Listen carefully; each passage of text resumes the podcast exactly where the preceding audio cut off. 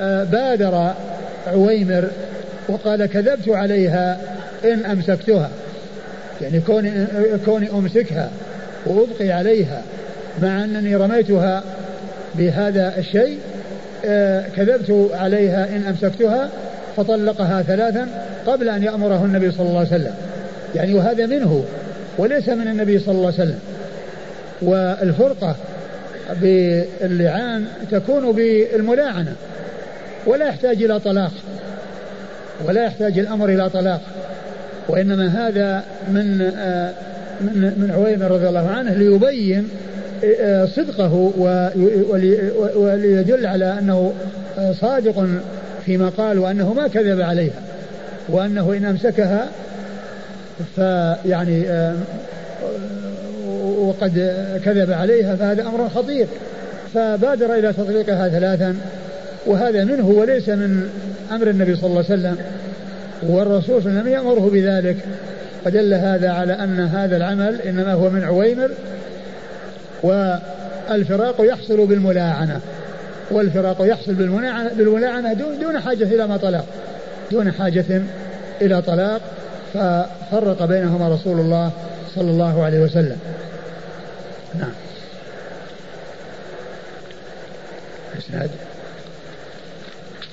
قال حدثنا عبد الله بن مسلمة عبد الله بن مسلمة بن قعنب القعنبي آه ثقة أخرجه أصحاب كتب الستة إلا ابن ماجه.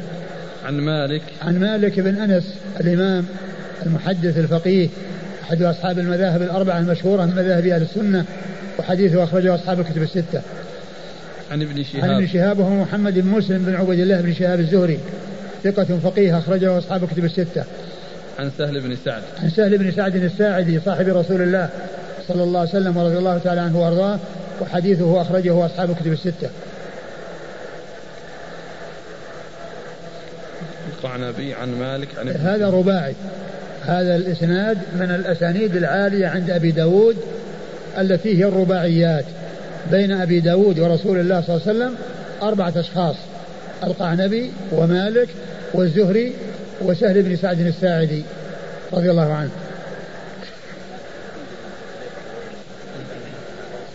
بعد التلاعن نعم.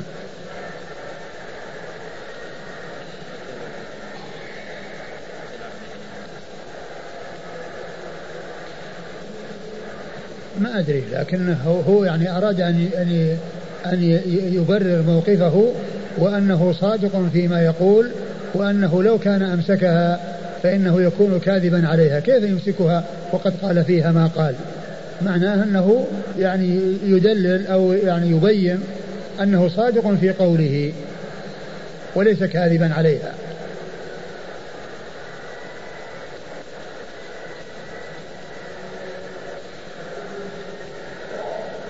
فال فاللعان الفرقة فيه فسخ وليست بطلاق فسخ وليست طلاقا.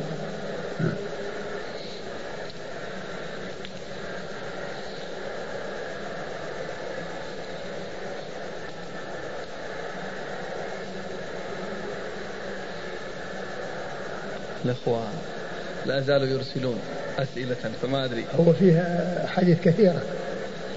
يقول حديث كثيرة كثيرة في اللعان. قد يعني قد يكون يعني في بعضها جواب. أظن ذلك. قال حدثنا عبد العزيز بن يحيى قال حدثني محمد يعني بن سلمة عن محمد بن إسحاق قال حدثني عباس بن سهل عن أبيه رضي الله عنه أن النبي صلى الله عليه وآله وسلم قال لعاصم بن عدي رضي الله عنه أمسك المرأة عندك حتى تلد. ثم أورد أبو داود الحديث من طريق أخرى وفيه أن أنها كانت حاملة وأن النبي صلى الله عليه وسلم قال لعاصم أمسك المرأة عندك حتى تلد يعني بعد الملاعنة بعدما حصلت الملاعنة. وهذا يدل على أن المرأة الملاعنة بعد اللعان لا سكن لها ولا نفقة على زوجها الذي لاعن منها وأنها يعني تذهب منه وليس عليه سكنة وليس وليس عليه نفقة لها.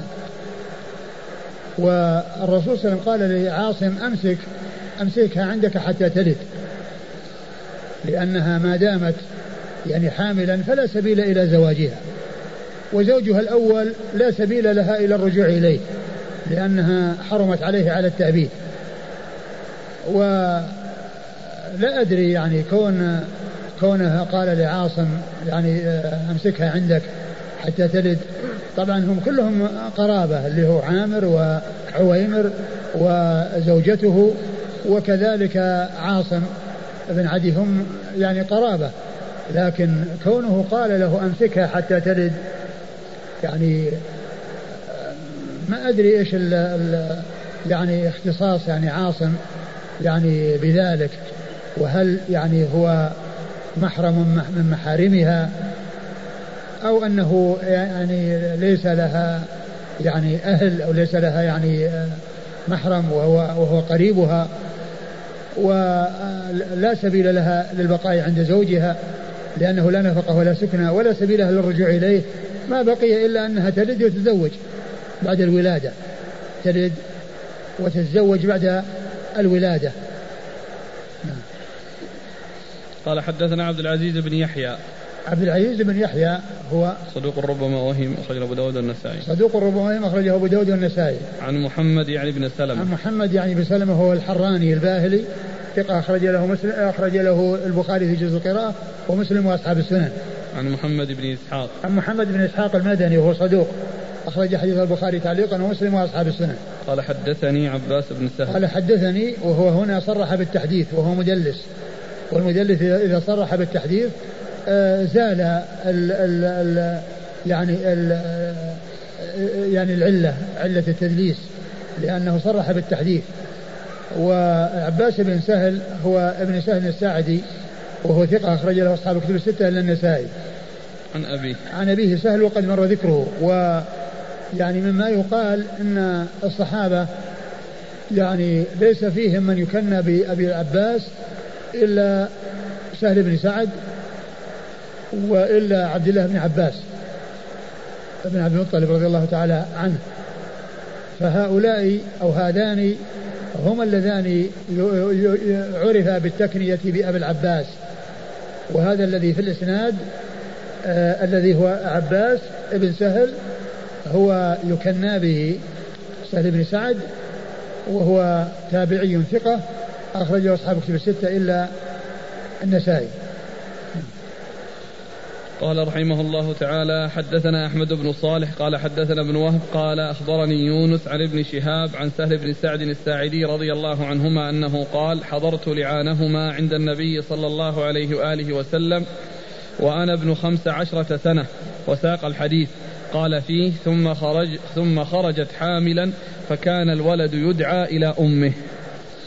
ثم ورد أبو داود حديث آه، سهل بن سعد وأنه حضر اللعان وأن عمره كان خمس عشرة سنة وأن أنها ظهرت حاملا وأنه كان ينسب إلى أمه ويدعى إلى أمه لأن الأمومة محققة لأنه هي التي ولدته وأما أبوه فإنه نفاه باللعان وأما الزوج فإنه نفاه باللعان يعني انتفى عنه لعانه فلا يكون منسوبا إليه ولا ينسب إليه بل ينسب إلى أمه وأمه آه، هي التي ولدته فهو ابنها. نعم. قال حدثنا أحمد بن صالح. أحمد بن صالح المصري ثقة أخرج له البخاري ومسلم والترمذي في الشمائل. أخرج له أخرج له البخاري و وأبو داود والترمذي. وأبو داود والترمذي في الشمائل. عن ابن وهب. عن ابن وهب عبد الله بن وهب المصري ثقة فقيه أخرجه أصحاب الكتب الستة. عن يونس. عن يونس بن يزيد الأيلي ثم المصري ثقة أخرج له أصحاب الكتب الستة. عن ابن شهاب عن سهل بن سعد. عن ابن شهاب عن سهل بن سعد وقد مر ذكرهما. قال حدثنا محمد بن جعفر الوركاني قال أخبرنا إبراهيم يعني بن سعد عن الزهري عن سهل بن سعد رضي الله عنهما في خبر المتلاعنين قال قال رسول الله صلى الله عليه وعلى آله وسلم أبصروها فإن جاءت به أدعج العينين عظيم الإليتين فلا أراه إلا قد صدق وإن جاءت به أحيمر كأنه وحره فلا أراه إلا كاذبا قال فجاءت به على النعت المكروه. ثم ورد أبو داود حديث سهل بن سعد رضي الله عنه وفيه أن النبي صلى الله عليه وسلم قال أبصروها أي الولد فإن جاءت به أدعج العينين سابغ الإليتين إيش؟ فلا أراه إلا قد صدق. فلا أراه إلا قد صدق يعني اللي هو عويمة. يعني معناه أنه يشبه المتهم فيه. إذا كان أدعج العينين يعني سابغ الإليتين يعني كبير الإليتين فيكون شبيها بالمتهم الذي اتهم بالزنا بامرأته اتهمه بالزنا بامرأته. وإن أتت به أحمر أحيمر كأنه وحرة. أحيمر كأنه وحرة وهي دويبة يعني آه، تلصق بالأرض يعني قريب لونها من لون التراب. ف آه، فلا أراه إلا كاذبا. فلا أراه إلا كاذبا يعني أنه شبه به يعني أنه يشبهه يشبه عويمر. فإن أتت به على هذا الوصف الذي يشبه عويمر فيكون كاذبا عليها. وإن أتت به على ذلك الوصف الذي يشبه الرجل المتهم الذي هو يعني آه، آه، اتهمت به فلا أراه إلا صادقا. فجاءت به على على على النعت المكروه يعني أنه على شكل الرجل الذي اتهمت فيه يعني كونه أدعج العينين سابغ الإليتين. قال حدثنا محمد بن جعفر الوركاني. محمد بن جعفر الوركاني هو ثقة أخرجه مسلم وأبو داود والنسائي. ثقة أخرجه مسلم وأبو داود والنسائي. عن إبراهيم يعني بن سعد. عن إبراهيم يعني بن سعد وهو ثقة أخرجه أصحاب كتب الستة. عن الزهري عن سهل بن سعد. عن الزهري عن سهل بن سعد وقد مر ذكرهما. قال حدثنا محمود بن خالد الدمشقي قال حدثنا الفريابي عن الأوزاعي عن الزهري عن سهل بن سعد الساعدي رضي الله عنهما بهذا الخبر. قال فكان يدعى يعني الولد لأمه. ثم ورد الحديث من طريق أخرى وفيه أنه كان يدعى لأمه لأنه انتفي من جهة الزوج باللعان. قال حدثنا محمود بن خالد الدمشقي. محمود بن خالد الدمشقي ثقة أخرج له. أبو داود والنسائي بن ماجه. أبو داود والنسائي بن ماجه. عن الفريابي. عن الفريابي وهو محمد بن يوسف الفريابي ثقة. أخرج له أصحاب كتب الستة. عن الأوزاعي. عن الأوزاعي عبد الرحمن بن عمرو الأوزاعي أبو عمرو. فقيه الشام ومحدثها أخرج حديثه أصحاب كتب الستة. عن الزهري عن سهل بن سعد. عن الزهري عن سهل بن سعد وقد مر ذكرهما. قال حدثنا أحمد بن عمرو بن السرح قال حدثنا ابن وهب عن عياض بن عبد الله الفهري وغيره. عن ابن شهاب عن سهل بن سعد رضي الله عنهما في هذا الخبر. قال فطلقها ثلاث تطليقات عند رسول الله صلى الله عليه وآله وسلم فأنفذه رسول الله صلى الله عليه وآله وسلم وكان ما صنع عند النبي صلى الله عليه وآله وسلم سنة. ثم ورد أبو داود حديث سهل بن سعد رضي الله عنه من طريق أخرى وفيه ما في الذي في الرواية الأولى من أنه قال إن أمسكتها كذبت عليها فطلقها ثلاثا قبل أن يأمره رسول الله صلى الله عليه وسلم بذلك. أي أنه من عنده. وقوله فأنفذه الرسول صلى الله عليه وسلم يعني ليس آه، المقصود أنه أنفذ الطلاق وإنما أنفذ الفراق الذي تم بحصول التلاعن بينهما. والتطليق إنما هو من من من عويمر رضي الله عنه من أجل أن يبرر موقفه وأن يبرئ ساحته وأنه صادق آه، فيما يقول وأنها كاذبة. يعني في آه، فيما تزعمه من من صدقها. نعم. فأنفذه الضمير يعود؟ أنفذ يعني الفراق. لا مو الطلاق. الطلاق يعني هو جاء في غير محله لأن هنا جاءت أسئلة كثيرة عن هذه المسألة. طلاق بالثلاث. فقالوا بمحضره صلى الله عليه وسلم ولم ينكره. فهذا فيه جواز؟ آه، هذا أصلا تطليق في غير محله تطليق في غير محله ولذلك يعني لم ينكر عليه النبي صلى الله عليه وسلم كونه طلق ثلاثة في مجلس واحد.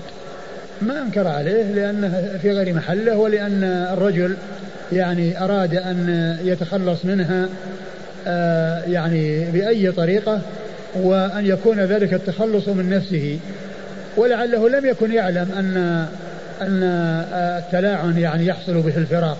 بدون حاجة بدون ما حاجة إلى طلاق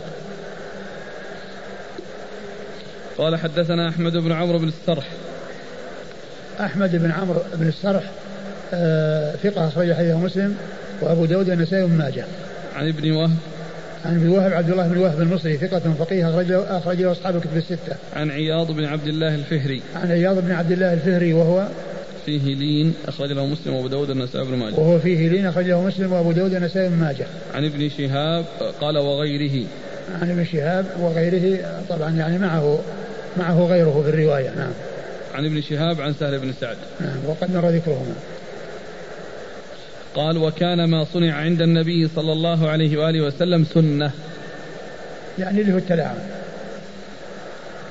قال سهل حضرت هذا عند رسول الله صلى الله عليه وآله وسلم فمضت السنة بعد في المتلاعنين أن يفرق بينهما ثم لا يجتمعان أبدا.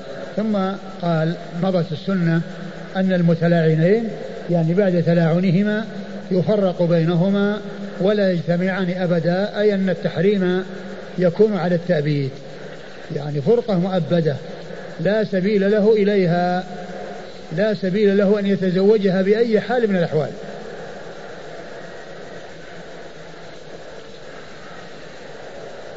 قال حدثنا مسدد ووهب بن بيان وأحمد بن عمرو بن السرح وعمرو بن عثمان قالوا حدثنا سفيان عن الزهري عن سهل بن سعد رضي الله عنهما قال مسدد قال شهدت المتلاعنين على عهد رسول الله صلى الله عليه وآله وسلم وأنا ابن خمس عشرة ففرق بينهما رسول الله صلى الله عليه وآله وسلم حين تلاعنا وتم حديث مسدد. وقال الآخرون إنه شهد النبي صلى الله عليه وآله وسلم فرق بين المتلاعنين.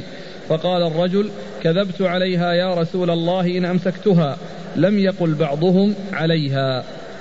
ثم ورد أبو داود حديث سهل بن سعد من طريق أخرى عن أربعة من شيوخه أولهم مسدد ثم ذكر لفظ الحديث على على رواية مسدد وأنه قال شهدت يعني آه تلاعن آه، آه، تلاعنهما عند رسول الله صلى الله عليه وسلم وأنه فرق بينهما.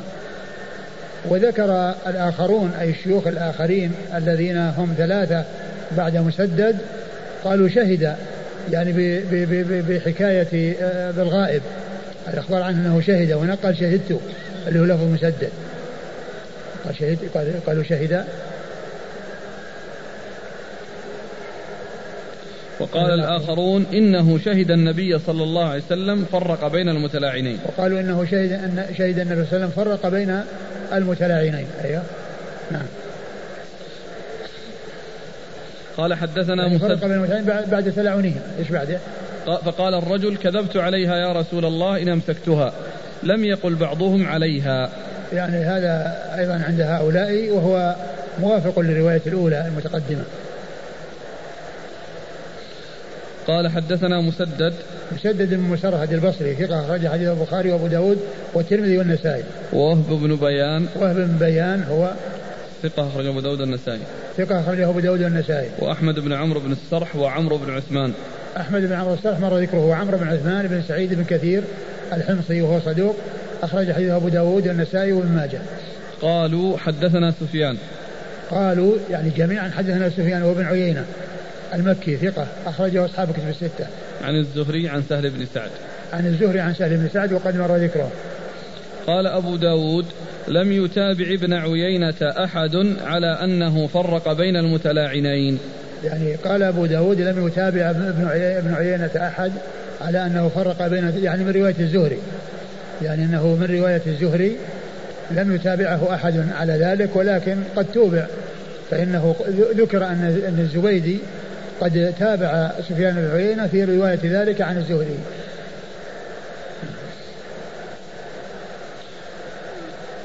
يقول الأخ الشيخ الألباني رحمه الله توقف فيه. فما رأي فضيلتكم؟ هل الحديث صحيح أم ضعيف؟ توقف إيش؟ هكذا يقول. ما توقف فيه أبدا. صححه. صححه. إلا أنه ما ذكر رواية مسدد. مسدد ويعني ورواية مسدد كما هو معلوم يعني آه يعني متفقة مع آه الروايات الأخرى.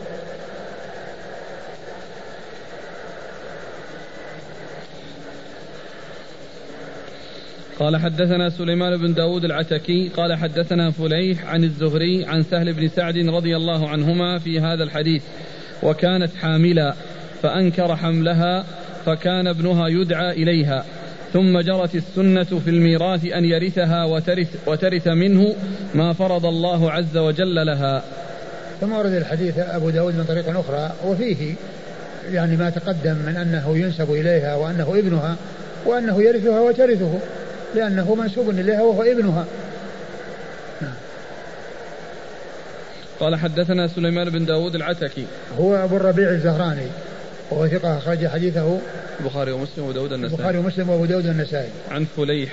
عن فليح بن سليمان وهو صدوق كثير الخطأ. كثير الخطأ أخرج حديثه أبو الكتب. أصحاب الكتب الستة. عن الزهري عن سهل بن سعد. عن الزهري عن سهل بن سعد وقد مر ذكرهما.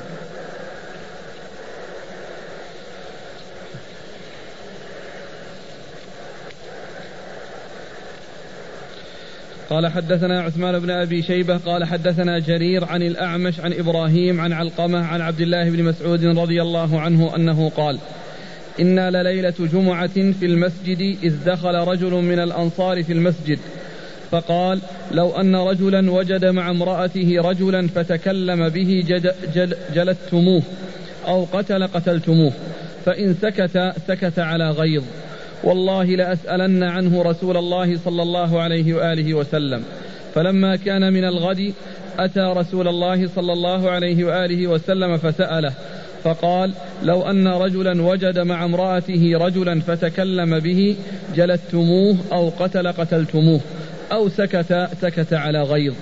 فقال اللهم افتح. وجعل يدعو فنزلت آية اللعان. والذين يرمون أزواجهم ولم يكن لهم شهداء إلا أنفسهم. هذه الآية.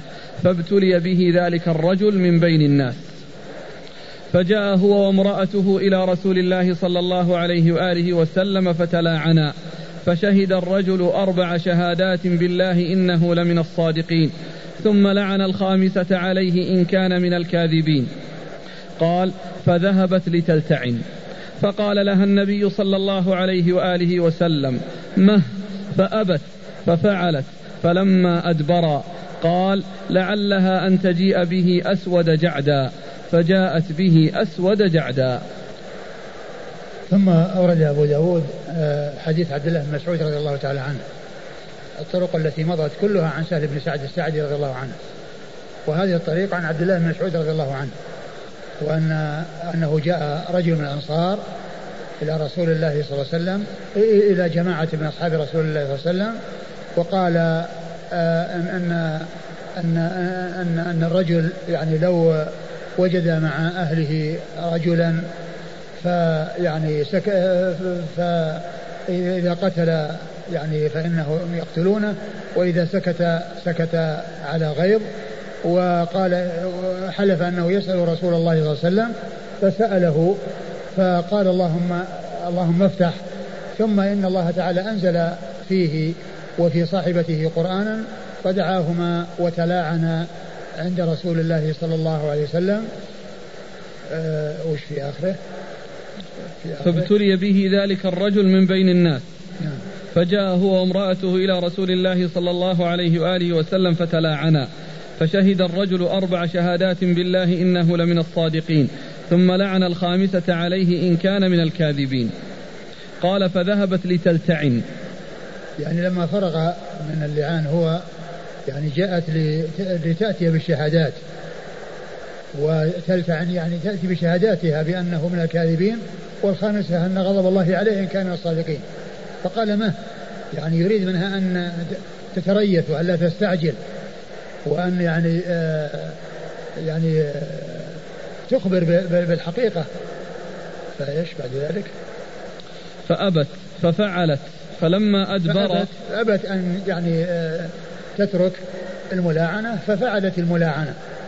فلما أدبر قال لعلها أن تجيء به أسود جعدا. فجاءت به أسود جعدا. قال لعلها أن تأتي به أن تأتي به أسود جعدا.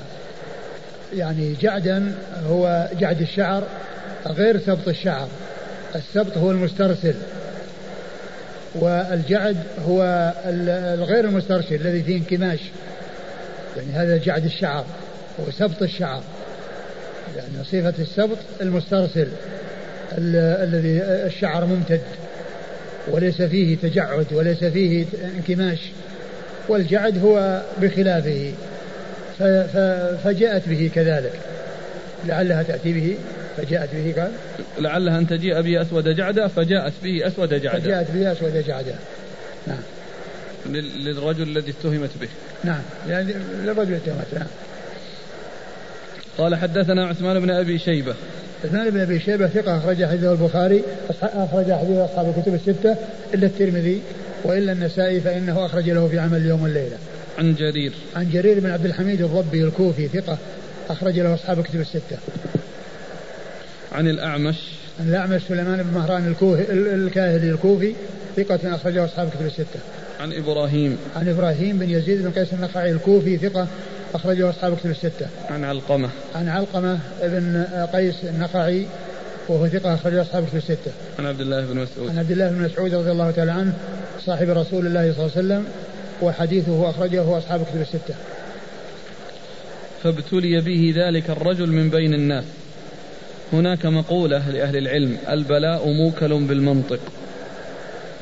يعني هذا هذا من أمثلته. أقول هذا من أمثلته. يعني ولعل الرجل سأل وهو لم يعني يحصل له شيء فابتلي بذلك لكن مفادها هذه المقولة مفادها أن أن أن الإنسان يعني يحذر أن يعني يظن يعني ظنون سيئة أو يعني يحصل منه يعني أشياء قد يبتلى بها. كما حصل لهذا الرجل الذي سأل عن هذا السؤال فابتلي به.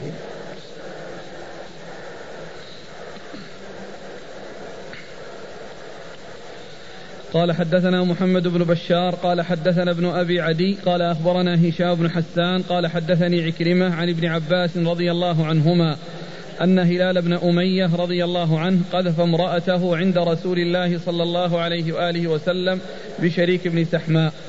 فقال النبي صلى الله عليه وآله وسلم البينة أو حد في ظهرك. قال يا رسول الله إذا رأى أحدنا رجلا على امرأته يلتمس البينة.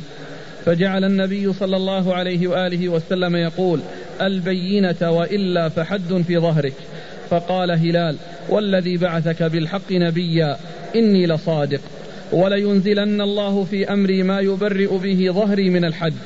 فنزلت والذين يرمون أزواجهم ولم يكن لهم شهداء إلا أنفسهم. فقرأ حتى بلغ لمن الصادقين. فانصرف النبي صلى الله عليه وآله وسلم فأرسل إليهما فجاء. فقام هلال بن أمية فشهد. والنبي صلى الله عليه وآله وسلم يقول الله يعلم أن أحدكما كاذب فهل منكما من تائب؟ ثم قامت فشهدت. فلما كان عند الخامسة أن غضب الله عليها إن كان من الصادقين وقالوا لها إنها موجبة قال ابن عباس فتلكأت ونكصت حتى ظننا أنها سترجع فقالت لا أفضح قومي سائر اليوم. فمضت فقال النبي صلى الله عليه وآله وسلم أبصروها فإن جاءت به أكحل العينين سابغ الأليتين خدلج الساقين فهو لشريك بن سحماء. فجاءت به كذلك فقال النبي صلى الله عليه وآله وسلم لولا ما مضى من كتاب الله لكان لي ولها شأن. ثم ورد أبو داود حديث عبد الله بن عباس رضي الله تعالى عنهما في قصة أخرى حصلت لهلال بن أمية رضي الله عنه هو أحد الثلاثة الذين خلفوا في غزوة تبوك ف آه، جاء إلى النبي صلى الله عليه وسلم ويعني آه، ماذا قال؟ قال قذف امرأته امرأته عند نعم. رسول الله صلى الله عليه وسلم قذف امرأته عند رسول بالزنا يعني قذفها بالزنا فالنبي صلى الله عليه وسلم قال له البينة أو حد في ظهرك. يعني إما هذه وإما هذه إما تقيم البينة وتسلم من الحد أو أنك تجلد يعني حد القذف اللي هو ثمانون جلدة. فقال إنه صادق ولا ينزل ولا ينزل أن الله يعني ما يبرئ ساحته. ولا ينزل أن الله ما يبرئ ساحته يعني أنه صادق فيما قال. فأنزل الله عز وجل الآيات في سورة النور والذين يرمون أزواجهم ولم يكن لهم شهداء إلا أنفسهم فشهادة أحدهم أربع شهادات بالله إنه لمن الصادقين والخامسة أن لعنة الله عليهم كانوا من الكاذبين ويدرأ عنها العذاب أن تشهد أربع شهادات بالله إنه لمن الكاذبين والخامسة أن غضب الله عليها إن كان من الصادقين. فدعا بهما وتلاعنا فدعا بهما وتلاعنا وقال إن أحدكما كاذب فهل فهل من تائب فهل, في فهل, فهل منكما من تائب فهل منكما من تائب يعني عرض علي عليهما التوبة وأن لا يقدم على هذه الملاعنة بل آه، آآ آه، أراد أن يتبين الأمر بدون ذلك ولكنهما يعني آه، استمر على ذلك وهلال يعني كان صادقا فيما قال والنبي صلى الله عليه وسلم قال إن أتت به أدعج العينين سابغ اليتين خدلج الساقين فهو لشريك بن سحماء الذي الذي اتهمت به الذي اتهمت به. آه، فجاءت به كذلك فقال النبي صلى الله عليه وسلم لولا ما مضى من كتاب الله لكان لي ولها شأن. لولا ما مضى من كتاب الله يعني الذي هو اللعان وأن الحكم هو اللعان ويكون الأمر يعني ينتهي باللعان لكان لي ولها شأن. يعني معناها أنها هي الكاذبة فيما قالت وهو صادق فيما قال. وأدعج العينين يعني شديد بياض شديد السواد في في في في, في شدة بياض شدة سواد في شدة بياض. سابغ اليدين يعني كبير اليدين خدلج الساقين يعني آه يعني غليظ الساقين.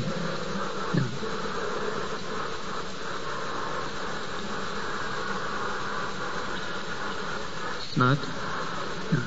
إسناد المتن لا اسناد قال حدثنا محمد بن بشار محمد بن بشار ملقب بن دار البصري ثقة أخرجه أصحاب الكتب بل هو شيخ لأصحاب الكتب عن ابن أبي عدي. عن ابن أبي عدي محمد بن إبراهيم بن أبي عدي وهو ثقة أخرجه أصحاب ثقة أخرجه أصحاب الكتب الستة. عن هشام بن حسان. عن هشام بن حسان ثقة أخرجه أصحاب الكتب الستة. عن عكرمة.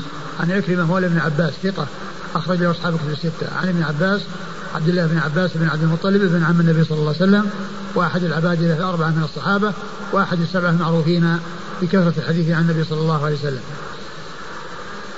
قال أبو داود وهذا مما تفرد به أهل المدينة.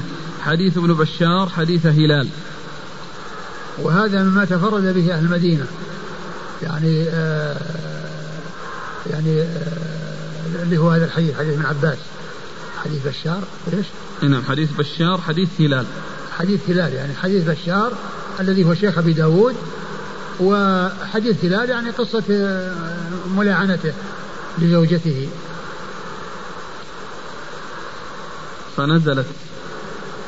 فنزلت الآية التي التي هي استشكلوا يعني سبق أنها نزلت في عويمر. آه نعم. آه, آه، العلماء ذكروا أنها يعني آه قيل إنها نزلت في آه في آه هلال.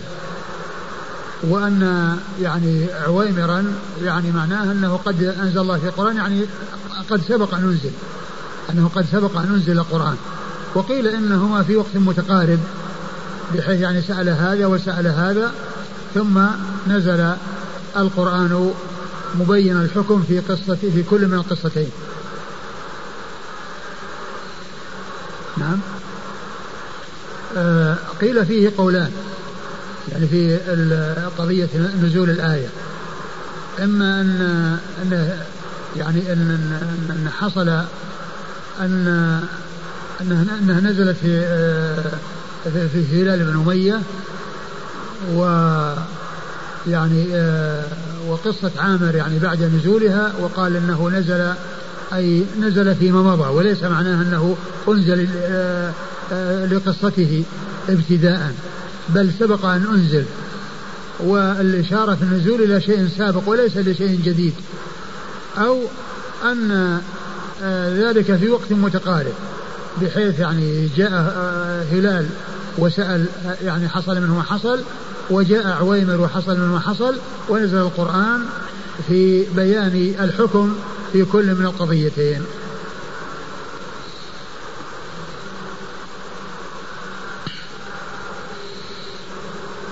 قال حدثنا مخلد بن خالد الشعيري قال حدثنا سفيان عن عاصم بن كليب عن أبيه عن ابن عباس رضي الله عنهما أن النبي صلى الله عليه وآله وسلم أمر رجلا حين أمر المتلاعنين أن يتلاعنا أن يضع يده على فيه عند الخامسة ويقول إنها موجبة. أه وأورد أبو داود حديث ابن عباس وفيه أن النبي صلى الله عليه وسلم أمر رجلا عندما يعني جاءت الخامسة التي هي قوله أن لعنة الله عليه أن يضع يده على فيه. يعني معناه أنه يعني يريد أنه يمسك. عن أن يأتي به وقال إنها موجبة. يعني معناه أنه إذا حصل يعني هذا فإنه يحصل العذاب الذي يترتب على ذلك إن كان كاذبا. فيعني أمره أن يضع يعني هذا منه من أجل أن يبين له أنه آه إذا كان كاذبا فإنه يمسك ولا يأتي بها لأنه بإكمالها والإتيان بها يكون حصل منه تمام اللعان فيستحق بذلك العذاب. نعم.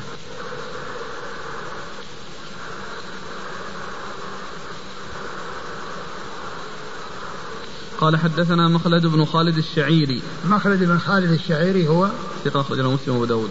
ثقة أخرجه مسلم وأبو داود. عن سفيان. سفيان بن عيينة مر ذكره. عن عاصم بن كليب. عاصم بن كليب صدوق أخرج حديثه البخاري تعليقا. نعم. ومسلم وأصحاب السنن ومسلم وأصحاب السنن عن أبيه. عن أبيه كليب بن شهاب وهو صدوق أخرج حديث أخرج حديث البخاري في رفع اليدين وأصحاب السنن عن ابن عباس. عن ابن عباس وقد مر ذكره.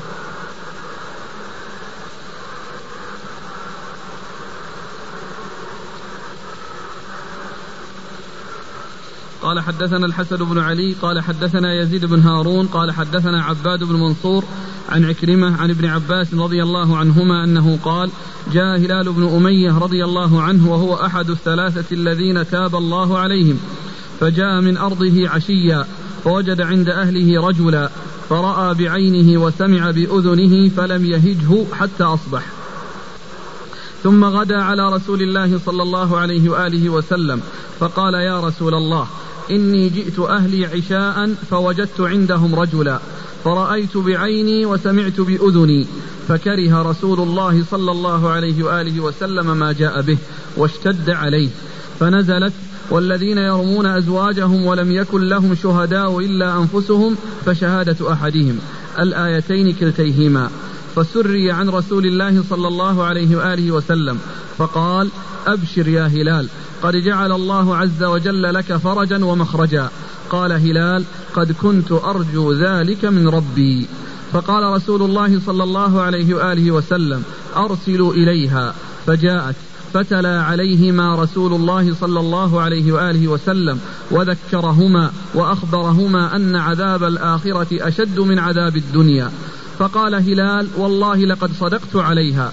فقالت قد كذب. فقال رسول الله صلى الله عليه وآله وسلم لاعنوا بينهما. فقيل لهلال اشهد. فشهد أربع شهادات بالله إنه لمن الصادقين.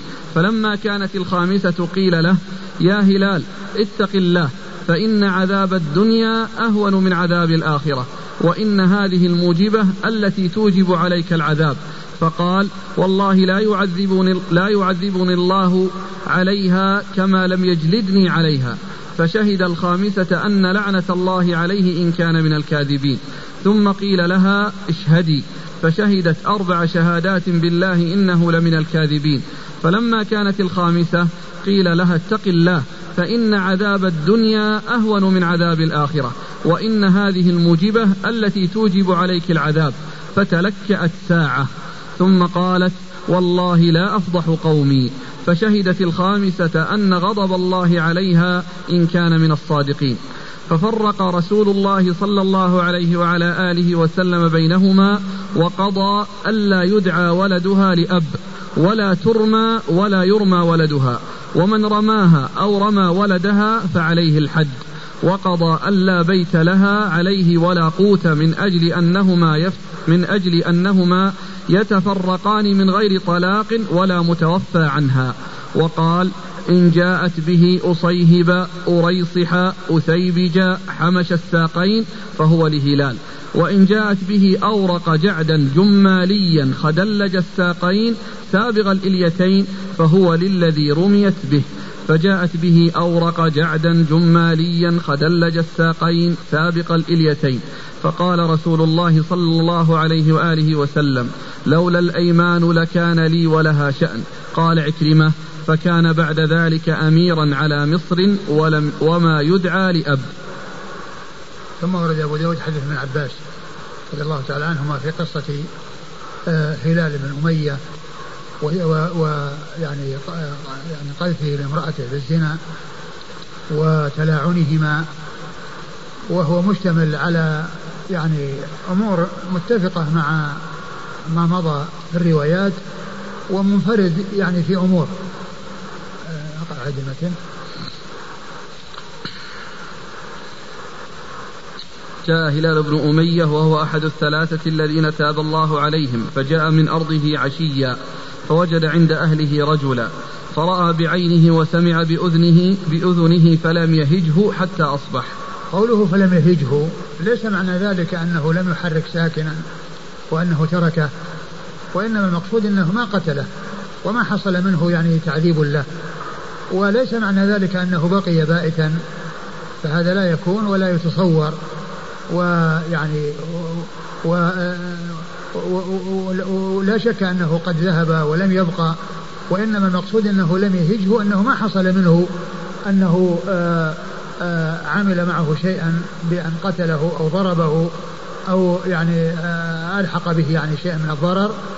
وكذلك أيضا لم يحصل منه أن جاء في الليل إلى رسول الله صلى الله عليه وسلم وأخبره الخبر وإنما انتظر يعني الصباح فجاء وأخبر النبي صلى الله عليه وسلم. هذا هو الذي يعني يفهم من قوله فلم يهجه وليس معنى ذلك أنه تركه وشأنه وأنه بات مع أهله حتى الصباح. هذا لا, لا يتصور ولا يكون. وإنما المقصود أنه ما فعل شيئا يلحق أو يلحق ضررا بذلك الشخص الذي قد وجده مع أهله. ثم غدا على رسول الله صلى الله عليه وسلم فقال يا رسول الله إني جئت أهلي عشاء فوجدت عندهم رجلا فرأيت بعيني وسمعت بأذني فكره رسول الله صلى الله عليه وآله وسلم ما جاء به واشتد عليه. يعني أمر عظيم وأمر خطير. يعني كونه يعني يحصل مثل هذا الأمر المنكر وهذه الفاحشة العظيمة. يعني هذا أمر يعني مكروه ومؤثر ومؤلم نعم. فنزلت والذين يرمون أزواجهم ولم يكن لهم شهداء إلا أنفسهم فشهادة أحدهم. الآيتين كلتيهما. يعني فنزلت الآية يعني بهذا بهذه المناسبة. فسري عن رسول الله صلى الله عليه وسلم. فقال أبشر يا هلال قد جعل الله لك عز وجل قد جعل الله عز وجل لك فرجا ومخرجا. وهذا, وهذا يدل على أن النزول إنما حصل بعد هذه الحادثة وبعد هذه القصة.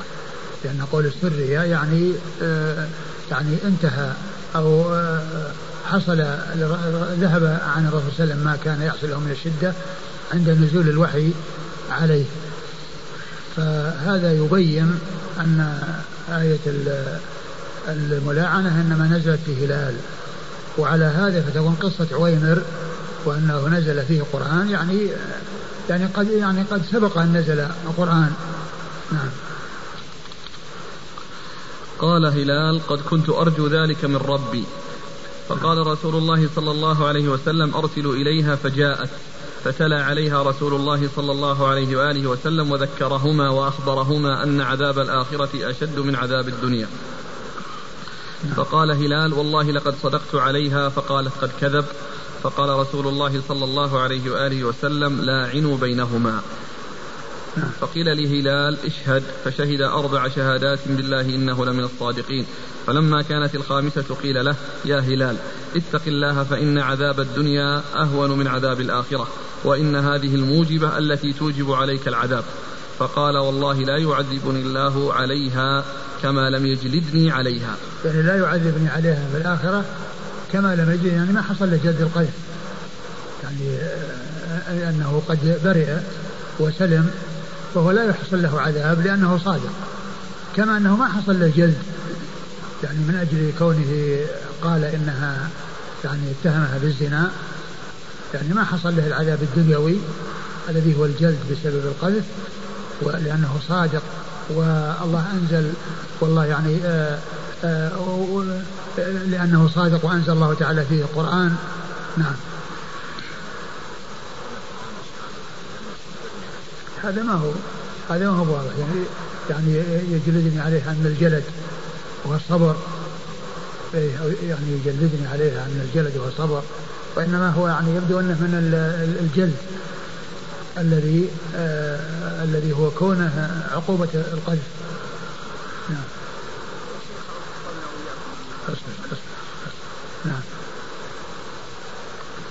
فشهد الخامسة أن لعنة الله عليه إن كان من الكاذبين. ثم قيل لها اشهدي.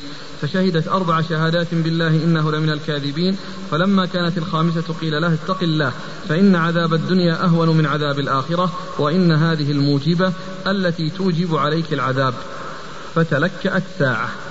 ثم قالت يعني تلكأت يعني توقفت. وظنوا أنها يعني س يعني تمتنع أو تترك الملاعنة ولكنها قالت لا أفضح قومي سائر اليوم. نعم. يعني لا أفضح أهلي في المستقبل. نعم.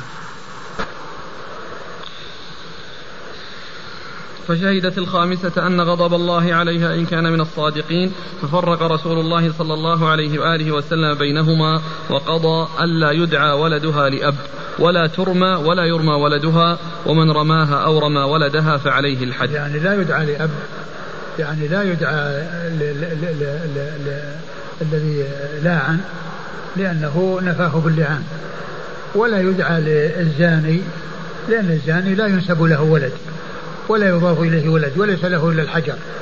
كما قال ذلك رسول الله صلى الله عليه وسلم الولد للفراش وللعاهر الحجر. وهنا الفراش نفي بالملاعنة فكان فكان ينسب إلى أمه. ومن رماها أو رمى ولدها فعليه الحد. ومن رماها أو رمى ولدها فعليه الحد. يعني ليس لأحد بعد ذلك أن يرميها يعني بالزنا ولا يرمي ولدها بأنه يقول ولد الزنا لأن لأنه حصل الحكم الشرعي في حقهما. وقضى ألا بيت لها عليه ولا قوت من أجل أنهما يتفرقان من غير طلاق ولا متوفى عنها. يعني يعني ليس لها بيت يعني سكنى ولا عيش يعني ليس لها نفقة. نعم من أجل من أجل أنهما يتفرقان من غير طلاق ولا متوفى عنها. من غير طلاق يعني ما هو مثل قصة الطلاق الذي يكون آه، المطلقة يعني آه، رجعية ولها نفقة وكذلك ليست متوفى عنها. التي يعني هي ذات علاقة بزوجها. نعم. وقال إن جاءت به أصيهب أريصح أثيبج حمش الساقين فهو لهلال. إن جاءت به أصيهب يعني هو الذي في شقرة يعني أصيهب أصحب تصير أصحب أريصح. أريصح. وش معناه أريصح؟ تصغير الأرض صح وهو خفيف الإليتين. أبدلت السين منه صاد خفيف الإليتين يعني ضد سابق الإليتين. أثيبج.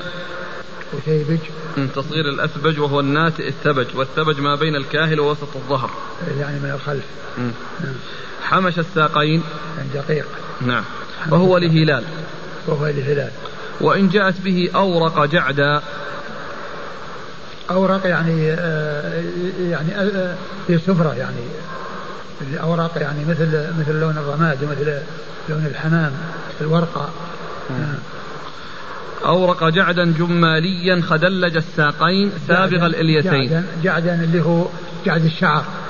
يعني ليس سابط الشعر سابط الشعر ليس سبط الشعر وإنما هو جعد الشعر الذي فيه انكماش وليس فيه امتداد الشعر واسترساله. آه، جماليا جماليا نسبة للجمال يعني في الضخامة نعم خدلج الساقين خدلج يعني غليظ الساقين سابغ الإليتين يعني ضد, ضد حمش اللي هو يعني دقيق الساقين يعني سابق الإليتين ضد ال اللي قال أريصح أريصح أريصح نعم فهو للذي رميت به. فهو الذي رميت به شريك بن سحم فجاءت به أورق جعدا جماليا خدلج الساقين سابق الإليتين. فقال يعني جاءت به على النعت المكروه.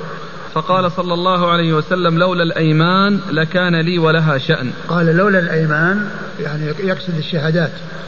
المراد بذلك الشهادات أطلق عليها النيمان لأنها فيها تأكيد وفيها شهادة بالله. لأن كل واحد تقول أشهد أشهد بالله أنه لمن الكاذبين. أشهد بالله أن أن أن أن أنني صادقة وأشهد بالله أنه كاذب أنه كاذب. فهذه ال ال يعني ال الشهادات يعني شبهت بالإيمان لأنها تأكيد. نعم. قال عكرمة فكان بعد ذلك أميرا على مصر وما يدعى لأب. فكان بعد ذلك أميرا على مصر يعني أي مصر من الأمصار أو على مصر الذي هو البلد المعروف وما يدعى لأب يعني ليس له ليس له أب ينسب إليه وإنما ينسب إلى أمة ويمكن أيضا أن ينسب أو يوضع له نسب يعني آه، يوضع له نسب ولكن النسب الذي يوضع له يعني يكون بحيث يعني يكون آه، مطابقا للواقع من جهة أنه يقال عبد الله فلان بن عبد الله أو فلان بن عبد الرحمن لأن الكل عباد الرحمن والكل عبيد الله قال حدثنا يكون يعني تورية نعم قال حدثنا الحسن بن علي الحسن بن علي الحلواني ثقة أخرجه أصحاب الكتب الستة إلى النسائي. عن يزيد بن هارون. يزيد بن هارون الواسطي ثقة أخرجه أصحاب الكتب الستة. عن عباد بن منصور. عباد بن منصور هذا آه، صدوق. نعم أخرج البخاري تعليقا وأصحاب السنة. صدوق إيش فيه كلام بعد. صدوق فيه كلام فيه يعني وهذا هو الذي لعله ضعف الألباني الحديث من أجله. الحديث ضعف الألباني من لعله من أجل هذا. ولكن أكثر ما فيه يعني جاء في الأحاديث الأخرى وما في يعني شيء يعني آه يعني آه إلا الشيء آه اليسير الذي لم يأتي غيره يدلس. نعم. صدوق الربيع بالقدر وكان يدلس وتغير بأخره. يعني هذه كلها علل. يعني كان يدلس وقد روى بالعنعنة وقد تغير بأخره وكان أيضا يعني آه، يوصف بالقدر. نعم. عن عكرمة عن ابن عباس. أخرجه البخاري تعليقا وأصحاب السنن أخرج حديثه البخاري تعليقا وأصحاب السنن عن عكرمة عن ابن عباس وقد مر ذكرهما. والله تعالى أعلم وصلى الله وسلم وبارك على عبده ورسوله نبينا محمد وعلى آله وأصحابه أجمعين. صدوق رمي بالقدر يدلس وتغير بأخره. نعم. جزاكم الله خيرا وبارك الله فيكم ونفعنا الله بما قلت. ما الحكم لو وجد الرجل مع امرأته رجلا فقتله؟ يعني إذا إذا كان هناك بينة إذا كان هناك بينة فإنه آه، يعني آه، آه، يكون على صواب. وأما إن لم يكن هناك بينة فإنه يقتل به. لأنه لو كان الأمر كذلك كل واحد من الناس يمكن أن يعني يقول أن حصل كذا وكذا. من غير أن يكون له بينة فيؤدي ذلك إلى أن كل من أراد أن يتخلص من إنسان ويقتل إنسان اتهمه وقال إنه حصل من كذا وكذا. هل حصلت الملاعنة بعد عهد الرسول صلى الله عليه وسلم؟ أقول لا أدري لكنها لا شك لا, لا, لا بد أن تحصل لأن هذه أحكام شرعية. أقول أحكام شرعية وأحكام تطبق فهي تقع لكن أنا ما أذكر مثال يعني يقول أن, أن هذا المثال قد حصل وإلا كونه يقع هذا لا شك حكم شرعي.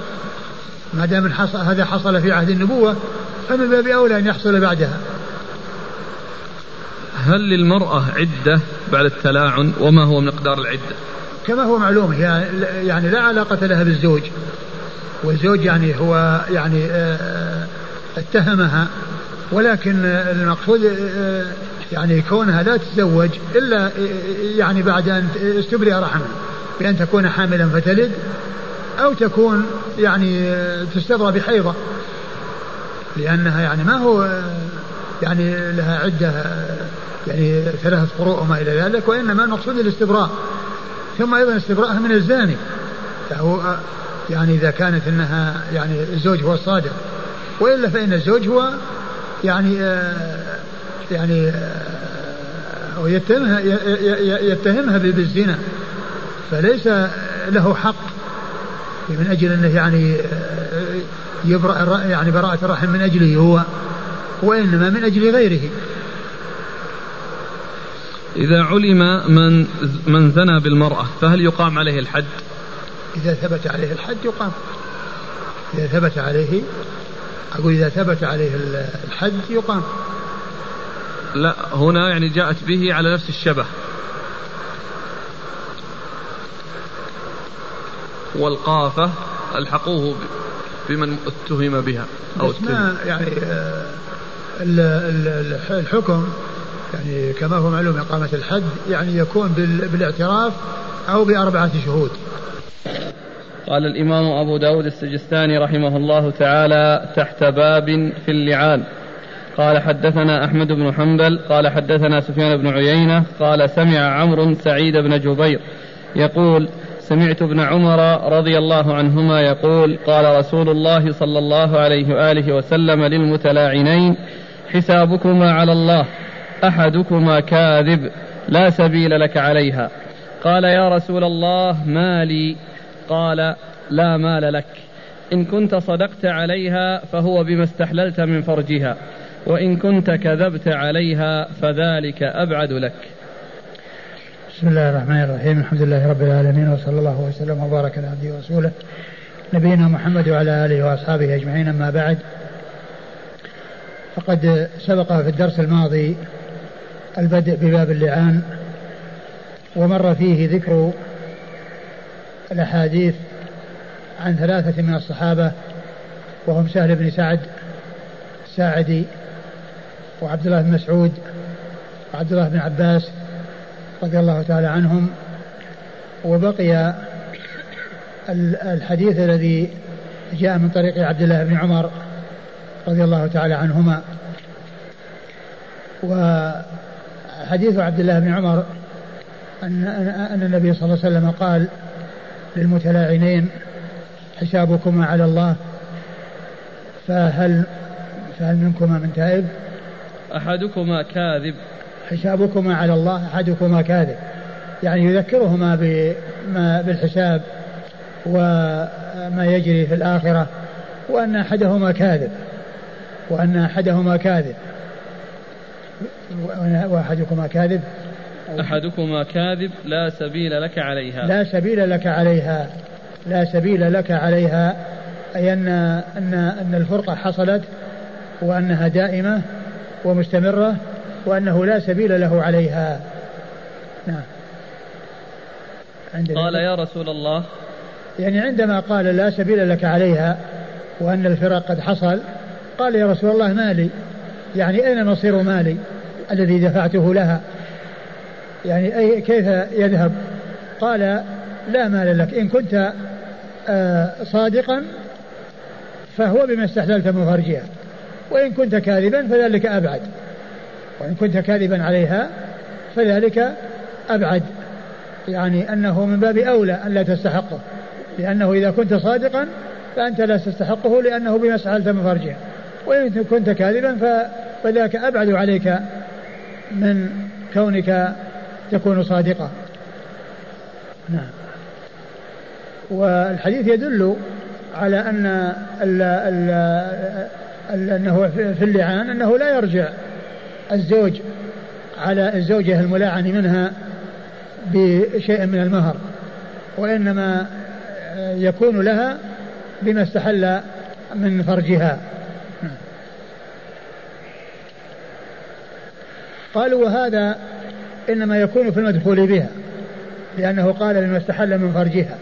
وإما أن كان غير مدخول بها وحصلت الفرقة فإنه ينصف ويكون له النصف لأنه طلاق لأنه فسخ ويعني لم يعني يستمر فيكون لها النصف من الشيء الذي فرض لها لأنه لم يستمتع بها لأنه هنا قال بما استمتعت من فرجها وهو لم يستمتع فإذا يكون له النصف. قال بعض أهل العلم إنه يكون له النصف فتكون تشبه المطلقة قبل الدخول وقد فرض لها فيكون المهر على التنصيف.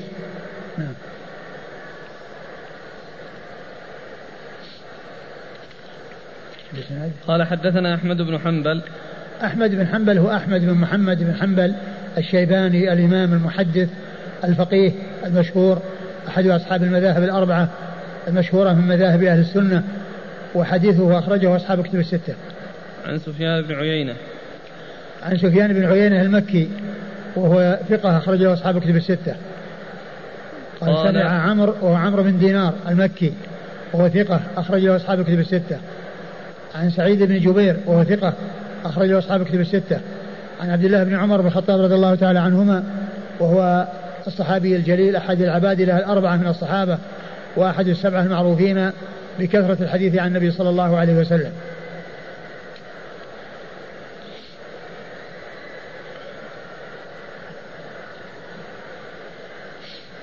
قال حدثنا أحمد بن محمد بن حنبل قال حدثنا إسماعيل قال حدثنا أيوب. عن سعيد بن جبير أنه قال قلت لابن عمر رضي الله عنهما رجل قذف امرأته. قال فرق رسول الله صلى الله عليه وآله وسلم بين أخوي بني العجلان.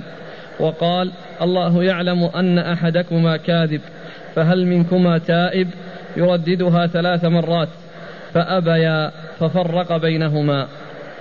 ثم ورد أبو داود حديث ابن عمر أن سعيد بن جبير قال له رجل قذف امرأته. قذف امرأته فقال فرق رسول الله صلى الله عليه وسلم بين أخوي بني العجلان. قال فرق رسول الله صلى الله عليه وسلم بين أخوي بني العجلان يعني بين عويمر العجلاني وزوجته. وقال أخوي يعني آه، تغليب لجانب آه، آه، الذكر على الأنثى وإلا فإن الذي معه أنثى. فغلب المذكر على المؤنث فقال أخوي يعني فرق بينهما وهما يعني من بني عجلان ففرق بينهما رسول الله صلى الله عليه وسلم. نعم. وقال الله يعلم أن أحدكما كاذب فهل منكما تائب؟ وقال الله يعلم أن أحدكما كاذب فهل منكما تائب؟ يعني أن أحدكما كاذب. والله تعالى يعلم الكاذب منكما فهل منكما تائب؟ هل منكما من يتوب إلى الله عز وجل مما قد حصل؟ يعني من يعني من هي من, من كونها تلبست بالزنا وهو من كونه قذفها بالزنا. نعم.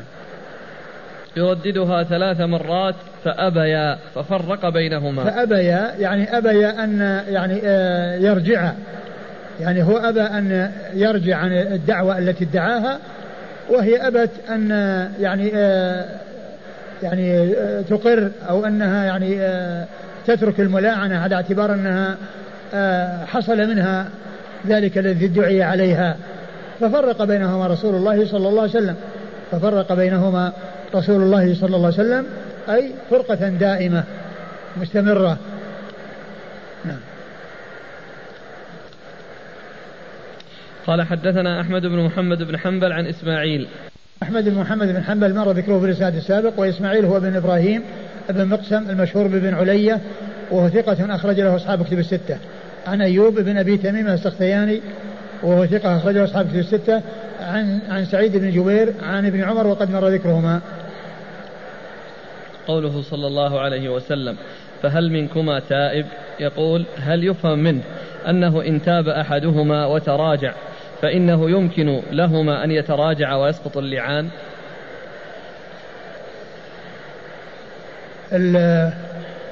يعني إذا إذا إذا تاب أحدهما يعني من الملاعنة يعني معناه أنه يسقط اللعان إذا أقر منه إذا إذا أقر أحد بالذي حصل منه وتاب إلى الله عز وجل. يعني آه، فإنها تسقط الملاعنة لأن الملاعنة, الملاعنة جاءت بناء على أنه هو ادعى وهي أنكرت وليس عنده شهود فلم يبق إلا الملاعنة. قال حدثنا القعنبي عن مالك عن نافع عن ابن عمر رضي الله عنهما أن رجلا لاعن امرأته في زمان رسول الله صلى الله عليه وعلى آله وسلم وانتفى من ولدها. ففرق رسول الله صلى الله عليه وآله وسلم بينهما وألحق الولد بالمرأة. قال أبو داود الذي تفرد به مالك قوله وألحق الولد بالمرأة. ثم ورد أبو داود حديث ابن عمر من طريق أخرى وفيه أن أن أن أن, أن, أن إيش؟ لاعن أن رجلا لاعن امرأته في زمان رسول الله صلى الله عليه وسلم وانتفى من ولدها. رجل لاعن في زمان الرسول من امرأته وانتفى من ولدها يعني نفى الولد. وقال إنه ليس منه وإنما هو زنا. وإنما هو يعني زنا. نعم. ففرق بينهما. ففرق رسول الله صلى الله عليه وسلم بينهما وألحق الولد بالمرأة. ففرق النبي صلى بينهما وألحق الولد بالمرأة يعني ولم يلحقه بالأب بسبب اللعان. بسبب اللعان الذي نفى به الولد وحصلت الحرمة والفرقة المستمرة وألحقه بأمه يعني أنه ينسب إليها. وهذا سبق, سبق أن تقدم في عدة روايات ألحاقه بأمه. لأن بنوته لأمه محققة. وأما بنوته لأبيه فإنها هي التي فيها آه التي حصل آه الادعاء من آه الزوج بأن الولد ليس له وإنما هو من غيره. نعم. قال حدثنا القعنبي. القعنبي عبد الله بن مسلمة بن قعنب القعنبي ثقة أخرجه أصحاب كتب الستة إلا من ماجه. عن, عن مالك, مالك بن أنس إمام دار الهجرة المحدث الفقيه الإمام المشهور أحد أصحاب المذاهب الأربعة المشهورة من مذاهب أهل السنة وحديثه أخرجه أصحاب الكتب الستة. عن نافع. عن نافع مولى بن عمر ثقة أخرجه أصحاب الكتب الستة. عن ابن عمر وقد مر ذكره وهذا من الرباعيات التي هي أعلى ما يكون عند أبي داود. بين أبي داود وبين رسول الله صلى الله عليه وسلم أربعة أشخاص القعنبي ومالك ونافع وابن عمر.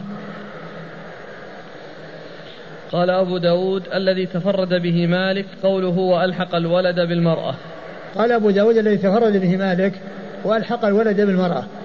وهذه الرواية جاءت من طرق متعددة كما سبق أن مر بنا أنه ألحق الولد بالمرأة ولم يلحقه بالرجل الذي نفاه عن نفسه بادعاء أنه ليس منه وتم ذلك بالملاعنة. وقال يونس عن الزهري عن سهل بن سعد رضي الله عنهما في حديث اللعان وأنكر حملها فكان ابنها يدعى إليها. ثم ذكر في أن يونس عن الزهري عن سهل بن سعد أن الرجل أنكر حملها وأن وأنه كان يدعى إليها. وأنه كان يدعى إليها وسبق أن مر. يعني هذا فيما مضى. يعني في رواية سهل بن سعد الساعدي. نعم. قال يونس عن الزهري. نعم. قال يونس عن الزهري إيش؟ عن سهل بن سعد في حديث اللعان. في حديث اللعان وأنكر حملها. نعم. فكان ابنها فكان يدعى. فكان ابنها يدعى إليها. نعم. نترجم للرواة ولا ما يحتاج؟ نعم الرواة آه، قال يونس. يونس هو يونس بن يزيد الأيلي ثقة أخرجه أصحاب في الستة والزهري محمد بن مسلم بن عبيد الله بن شهاب الزهري ثقة فقيه. أخرجه أصحاب كتب الستة وسهل بن سعد الساعدي صحابي أخرجه أصحاب كتب الستة. انتهى باب اللعان والأسئلة لا زالت. طيب نقرأ. قال رحمه الله تعالى باب إذا شك في الولد. قال حدثنا ابن أبي خلف قال حدثنا سفيان عن الزهري عن سعيد عن أبي هريرة رضي الله عنه أنه قال جاء رجل إلى النبي صلى الله عليه وآله وسلم من بني فزارة فقال إن امرأتي جاءت بولد أسود. فقال هل لك من إبل؟ قال نعم. قال ما ألوانها؟ قال حمر. قال فهل فيها من أورق؟ قال إن فيها لورقا. قال فأنى تراه. قال عسى أن يكون نزعه عرق. قال وهذا عسى أن يكون نزعه عرق. ثم أورد أبو داود باب الشك في, في, في, باب, إذا شك. إذا شك في الولد. باب إذا شك في الولد. يعني شك أن يكون الولد منه وتردد في ذلك ولم يحصل القذف ولم يحصل ملاعنة. فإنه لا عبرة لهذا الشك. والولد للفراش. ولو كان هناك تفاوت في اللون واختلاف في اللون. لأن النبي صلى الله عليه وسلم قال الولد للفراش. فما دام أنه ولد على فراشه فهو له. بل لو حصل زنا والعياذ بالله فإنه يغلب جانب الفراش ولا ولا ينظر إلى الزاني. ولو كان هناك شبه به مثل ما في قصة آه، ابن يعني عبد بن زمعة ويعني آه، وأن النبي صلى الله عليه وسلم ألحقه بالفراش. وألحق ألحقه بالفراش. فالحكم للفراش. ولا يتخلص الزوج من الولد إلا بالملاعنة. إلا بادعاء آه، القذف قذفها بالزنا وملاعنتها ثم ينتفي الولد منه. ويكون تبعا لأمه كما جاءت الأحاديث في اللعان التي سبق أن مرت. أورد أبو داود حديث أبي هريرة رضي الله عنه. أن رجلا جاء إلى النبي صلى الله عليه وسلم من بني فزارة وقال إن امرأتي ولدت غلاما أسود. يعني لونه يخالف لونه. ولون أمه. يعني يخالف لونه لون الولد لونهما.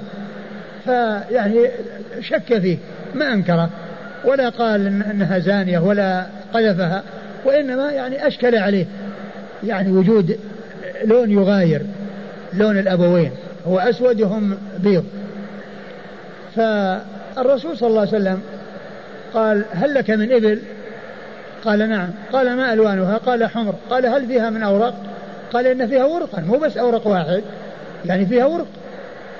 قال فما تراه يعني هذا هذا الورق الذي حصل لهذه الحمر مع أن فحلها واحد ويعني آه، ماذا ترى قال لعله نزعه عرق. يعني أنه يعني شيء قديم. قال وهذا أيضا لعله نزعه.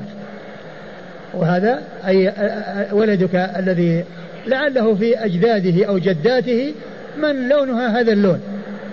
فنزعه ذلك العرق الذي هو أصل من أصوله. وهذا فيه دليل على إثبات القياس. إثبات القياس وأنه حجة. لأن النبي صلى الله عليه وسلم قاس شيئا على شيء. والقياس من الأدلة الشرعية. ويصار إليه عند عدم وجود النص الصريح في المسألة. فإلحاق فرع بأصل في حكم لجامع بينهما هذا هو القياس. وهو معتبر. وقد جاء فيه أدلة كثيرة ومنها هذا الحديث الذي فيه أن النبي صلى الله عليه وسلم قاس هذا الولد الذي جاء من الولد الأسود اللي جاء من أبوين أبيضين على الإبل التي فحلها واحد وتكون حمرا ويأتي فيها من هو أورق والأورق هو الذي فيه يعني آه، آه، آه، يعني بياضة فيه سواد يعني مثل لون الرماد ولهذا يقال للحمامة الورقاء. يعني لونها يعني هذا اللون. فقاس النبي صلى الله عليه وسلم هذا على هذا فدل على أن القياس حجة وأنه معتبر وهذا من جملة الأدلة الدالة على هذا الأصل من الأدلة الشرعية. نعم. قال حدثنا ابن أبي خلف. ابن أبي خلف هو أحمد ابن محمد ابن أحمد بن محمد ابن أبي خلف وهو ثقة أخرج له أبو داود. اسمه يا شيخ؟ أحمد بن محمد. ابن أحمد ابن محمد. يعني حفيد هو الأب. نعم.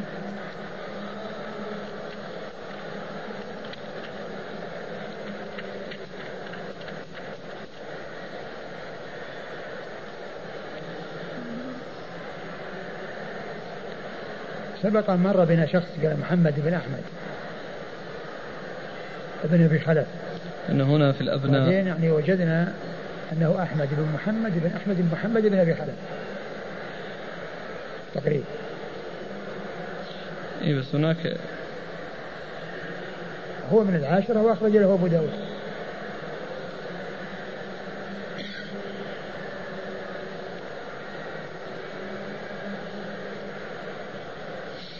هناك لأنه وفي وفي نعم. هناك إيش؟ أقول لأنه هناك وجدنا نص بالتسمية أيوه لكن هنا مو مو منصوص على يعني ها؟ ها؟ وجدت أحد نص عليه؟ لا نص على أنه غير هذا؟ لا لكن في الأبناء ها؟ في الأبناء أيوة. تقريبا ها؟ ذكر محمد بن أحمد إيه محمد بن أحمد مم. ابن أبي خلف مم. مم. وهذا مر بنا محمد بن أحمد أقول مر بنا محمد ابن أبي أحمد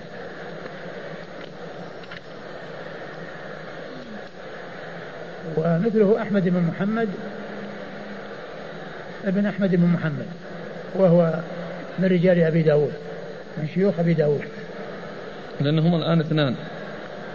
اثنان. نعم محمد بن أحمد إيه. وأحمد بن محمد. ابنه. وكل يعني إيش قال فيهم كلهم؟ كلهم ثقات؟ نعم. نعم؟ نعم. إيه. على كل ما دام انهم كلهم ثقات أي واحد منهم يعني فلا يؤثر سواء كان هذا ولا هذا. لكن تعيين أحد الاثنين أيهما يعني ما ما ندري. لكن في شيوخه يعني أحمد بن محمد وفيه أيضا محمد بن محمد بن أحمد.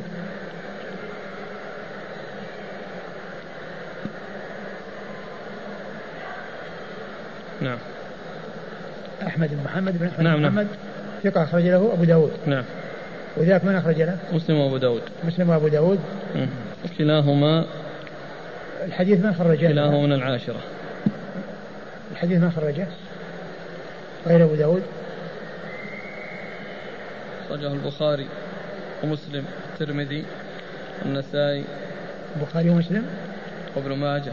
ما أدري عن مسلم. هو بال هو بهالإسناد. يعني إنه يعني فيكون محمد إذا كان يعني من رجال إذا كان من رجال مسلم وأنه جاء في الإسناد لكن يوم اللي سبق ها؟ اللي سبق ها؟ وكنا ذكرنا يعني آه، في المزي ذكر له حديث واحد اللي مر اللي هو أيهم هو أحمد؟ الأول الأول أحمد أحمد إيه؟ ما له حديث واحد في ترجمته إيه؟ قال أن أبو داود روى له حديثا واحدا وذكره اللي مر معنا سابقا. إيه. هذا اللي في ذهني يعني سابقا. نعم إذا كان الأمر كذلك ما له إلا حديث واحد يصير الثاني الذي هو محمد.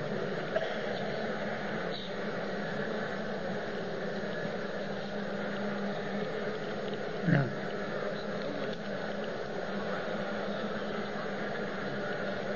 اي نعم محمد. ذاك لأنه منصوص عليه وذاك هو اللي ذكر إذا كان أحمد إذا كان أحمد ما له إلا حديث واحد وقد ذكر الحديث وهو غير هذا يعني يكون ما هو يكون ليس هذا ليس أحمد.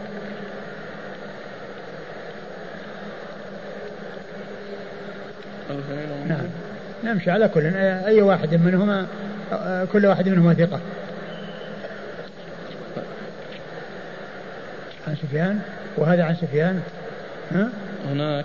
2146 ها. النسخة اللي عندنا فيها التنصيص. أحمد ابن أبي خلف. هناك. إيه اللي مر معنا. ويروي عن سفيان؟ نعم. هناك. نعم. وهنا أيضا رواية عن سفيان؟ نعم.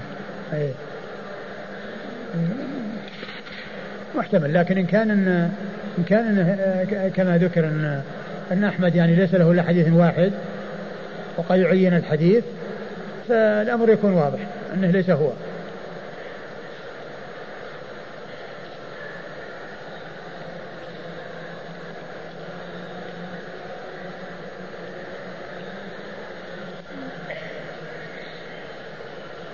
فين المصدر؟ يقول في مسلم محمد بن أحمد. فين؟ أنا اللي أرسل ورقة. نفس الحديث؟ آه، اللي أرسل لنا وكتب لنا كذا أرسل لنا ورقة كتب فيها. لا هو محمد بن أحمد يعني قلت التقريب أبو مسلم وأبو داود. إيه. محمد بن أحمد. هو يقوله إنه في مسلم في مسلم كذا كتب. في يعني مسلم. نفس الحديث إن كان نفس الحديث وأن في مسلم يعني محمد بن أحمد خلاص يصير يعني آه، الإسناد واحد. عند مسلم وعند أبي داود. وأما إن كان إنه ممن خرج له مسلم نعم خرج له مسلم في التقريب. وأحمد ما خرج له إلا أبو داود. قديم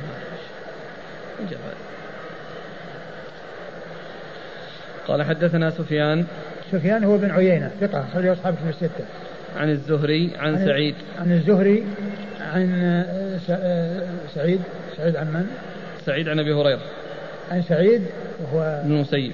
سعيد بن المسيب وهو أحد الفقهاء السبعة في عصر التابعين. ثقة أخرجه اصحاب كتب الستة. عن أبي هريرة عبد الرحمن بن صخر الدوسي صاحب رسول الله صلى الله عليه وسلم وأكثر أصحابه حديثا على الإطلاق رضي الله عنه وأرضاه. قال حدثنا الحسن بن علي قال حدثنا عبد الرزاق قال أخبرنا معمر عن الزهري بإسناده ومعناه قال وهو حينئذ يعرض بأن ينفيه. ثم ورد الحديث وفيه أنه يعني يعرض بأن ينفيه يعني كأنه يعني شاك فيه كأنه شاك فيه. نعم. قال حدثنا الحسن بن علي. حسن بن علي الحلواني ثقة أخرج له أصحاب الكتب الستة إلا النسائي. عن عبد الرزاق. عبد الرزاق بن همام الصنعاني اليماني ثقة أخرجه أصحاب كتب الستة. عن معمر. عن معمر بن راشد الأزدي البصري ثم اليماني. ثقة أخرجه أصحاب كتب الستة. عن الزهري بإسناده ومعناه. نعم. قال حدثنا أحمد بن صالح قال حدثنا ابن وهب قال أخبرني يونس عن ابن شهاب عن أبي سلمة عن أبي هريرة رضي الله عنه أن أعرابيا أتى النبي صلى الله عليه وعلى آله وسلم فقال إن امرأتي ولدت غلاما أسود وإني أنكره فذكر معناه ثم ورد الحديث من طريق أخرى عن أبي هريرة وقال إن وقال هنا أعرابي وهنا قال من بني فزارة ولا تنافي بينهما فيكون هذا وهذا. فإنه امرأتي ولدت غلام أسود ينكره. وإني أنكره. وإني أنكره. ليس المقصود أنكره يعني أنه ينفيه وأنه يعني يتهمها بالزنا ولكن يعني معناه أنها يعني آه، آه، في شك يعني عنده شك. يعني ليس معنى ذلك أنه يدعي أنه ليس له أنها زانية وإنما يعني آه، آه، استغرب أو استنكر يعني هذا آه، هذا التباين الذي يكون بينهما كون أسود وهما يعني وهما أبيضان. نعم.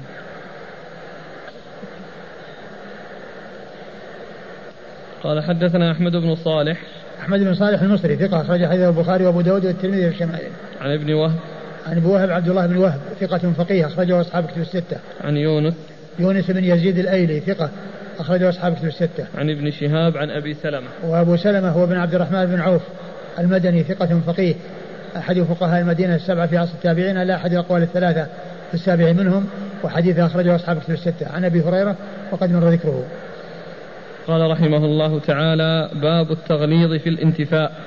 قال حدثنا أحمد بن صالح قال حدثنا ابن وهب قال أخبرني عمرو يعني ابن الحارث عن ابن الهاج عن عبد الله بن يونس عن سعيد المقبري عن أبي هريرة رضي الله عنه أنه سمع رسول الله صلى الله عليه وآله وسلم يقول حين نزلت آية حين نزلت آية المتلاعنين أيما امرأة أدخلت على قوم من ليس منهم فليست من الله في شيء ولن يدخلها الله الجنة. ولن يدخله الله الله جنته. وأيما رجل جحد ولده وهو ينظر إليه احتجب الله منه وفضحه على رؤوس الأولين والآخرين. ثم ورد أبو داود هذه الترجمة وهي باب في التغليظ في الانتفاع باب التغليظ في الانتفاع التغليظ في الانتفاع يعني انتفاء الولد ونفي الولد وهو يعلم أنه له يعني أن أمره خطير وأن أمره عظيم وأنه ورد في ذلك تغليظ عن رسول الله صلى الله عليه وسلم وأورد أبو داود حديث حديث أبي هريرة نعم. حديث أبي هريرة رضي الله عنه يعني فيما يتعلق أنه قال بعد نزول آية المتلاعنين أيما امرأة أدخلت على قوم من ليس منهم ف فليست من الله فليست من الله في شيء. ولن يدخلها. ولن يدخلها ولن يدخلها الله الجن جنته. وهذا في تغليظ يعني للمرأة كونها تزني ثم تلحق يعني بالقوم ولدا ليس منهم في فيكون التوارث ويكون المحرمية وما إلى ذلك مع أن الواقع بخلاف هذا لأنه ولد زنا ليس منهم. فهو تغليظ لهذه المرأة التي حصل أو التي يحصل منها هذا. وهذا فيه تغليظ الزنا وخطورته وأن فيه يعني آه، اختلاط الأنساب وإضافة من ليس من القوم إلى القوم وإضافة من ليس منهم إليهم. ثم ذكر ما يتعلق بحق الرجل وهو, وهو المطابق للترجمة. وهو الذي يطابق الترجمة وهو التغليظ في الانتفاء. وأيما رجل؟ جحد ولده وهو ينظر إليه احتجب الله منه وفضحه على رؤوس الأولين والآخرين. وأيما رجل جحد ولده وهو ينظر إليه. يعني ينظر إليه يعني يعرفه. يعني ينظر إليه آه يعني كون الرجل يعني ينظر يعني إلى إلى ولده يعرفه ومتحقق من أنه ولده ومع ذلك يجحده أو ولده يعني ينظر إليه يعني وهو بحاجة إلى شفقته وإلى رأفته ومع ذلك يتخلص منه بنفيه وادعاء أنه ليس منه وادعاء أنه ليس منه. ففي آه، أيما رجل وهو ينظر إليه احتجب الله احتجب الله منه وفضحه على رؤوس الأولين احتجب الله منه وفضحه على رؤوس الأولين والآخرين. يعني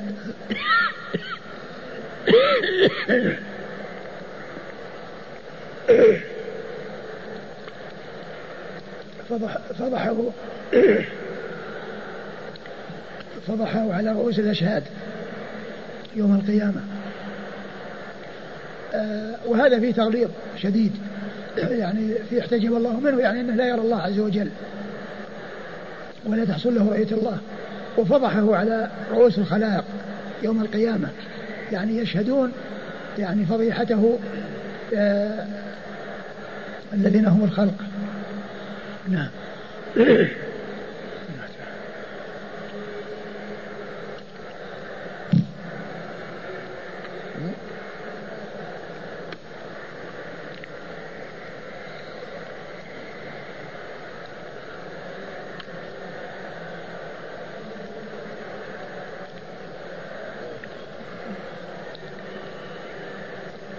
هو الأمر خطير لا شك.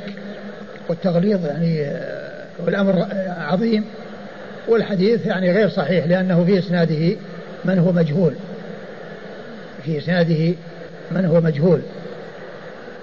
فالحديث لم يثبت عن رسول الله صلى الله عليه وسلم. نعم. قال حدثنا أحمد بن صالح عن ابن وهب عن عمرو يعني ابن الحارث. عمرو بن الحارث المصري ثقة أخرجه أصحاب كتب الستة. عن ابن الهاد. عن ابن الهاد هو عبد الله بن يزيد بن الهاد وهو ثقة أخرج له أصحاب كتب الستة. عن عبد الله بن يونس. عن عبد الله بن يونس وهو مجهول أخرج له أبو داود والنسائي. أبو داود والنسائي. عن سعيد المقبري. عن سعيد المقبري وهو ثقة أخرجه أصحاب كتب الستة. عن أبي هريرة وقد مر ذكره.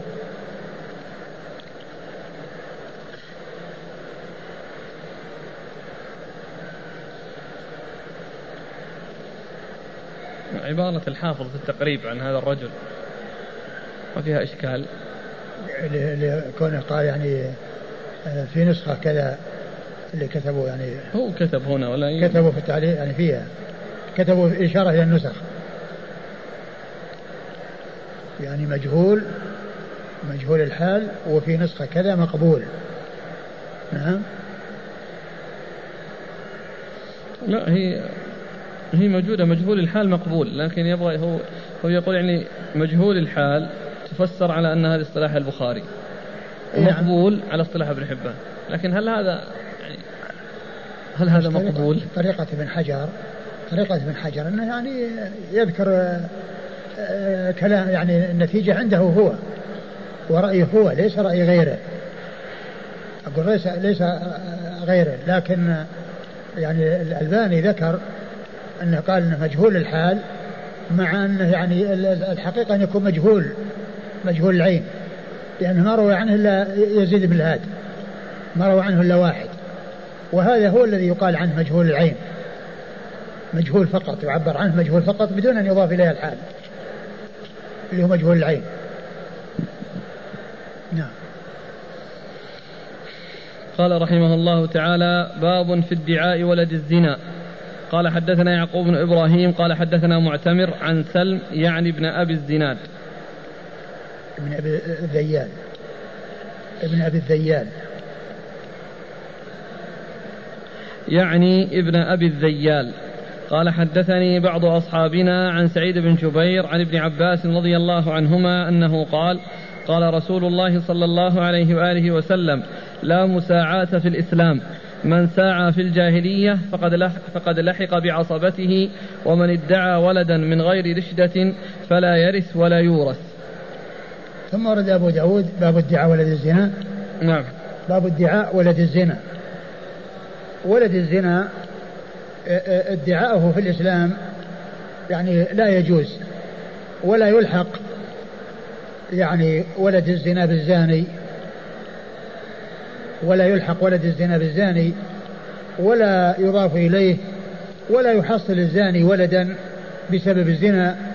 بل الأمر كما قال رسول الله صلى الله عليه وسلم الولد للفراش وللعاهر الحجر. وللعاهر الحجر. آه، أورد أبو داود حديث. ابن عباس. حديث ابن عباس أنه قال لا مساعاة في الإسلام. يعني اللي مساعاة هي آه، آه، الزنا.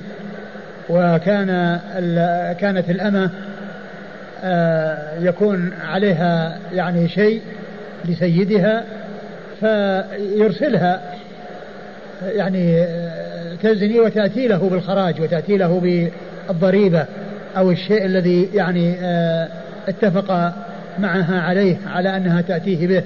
وكانوا يكرهونهن على ذلك كما جاء في القرآن ومن يكرههن فإن الله من بعد إكراههن غفور رحيم يعني غفور رحيم لهن وليس للذين أكرهوهن وإنما هن مكرهات فالله تعالى غفور رحيم يعني لهن أي للمكرهات.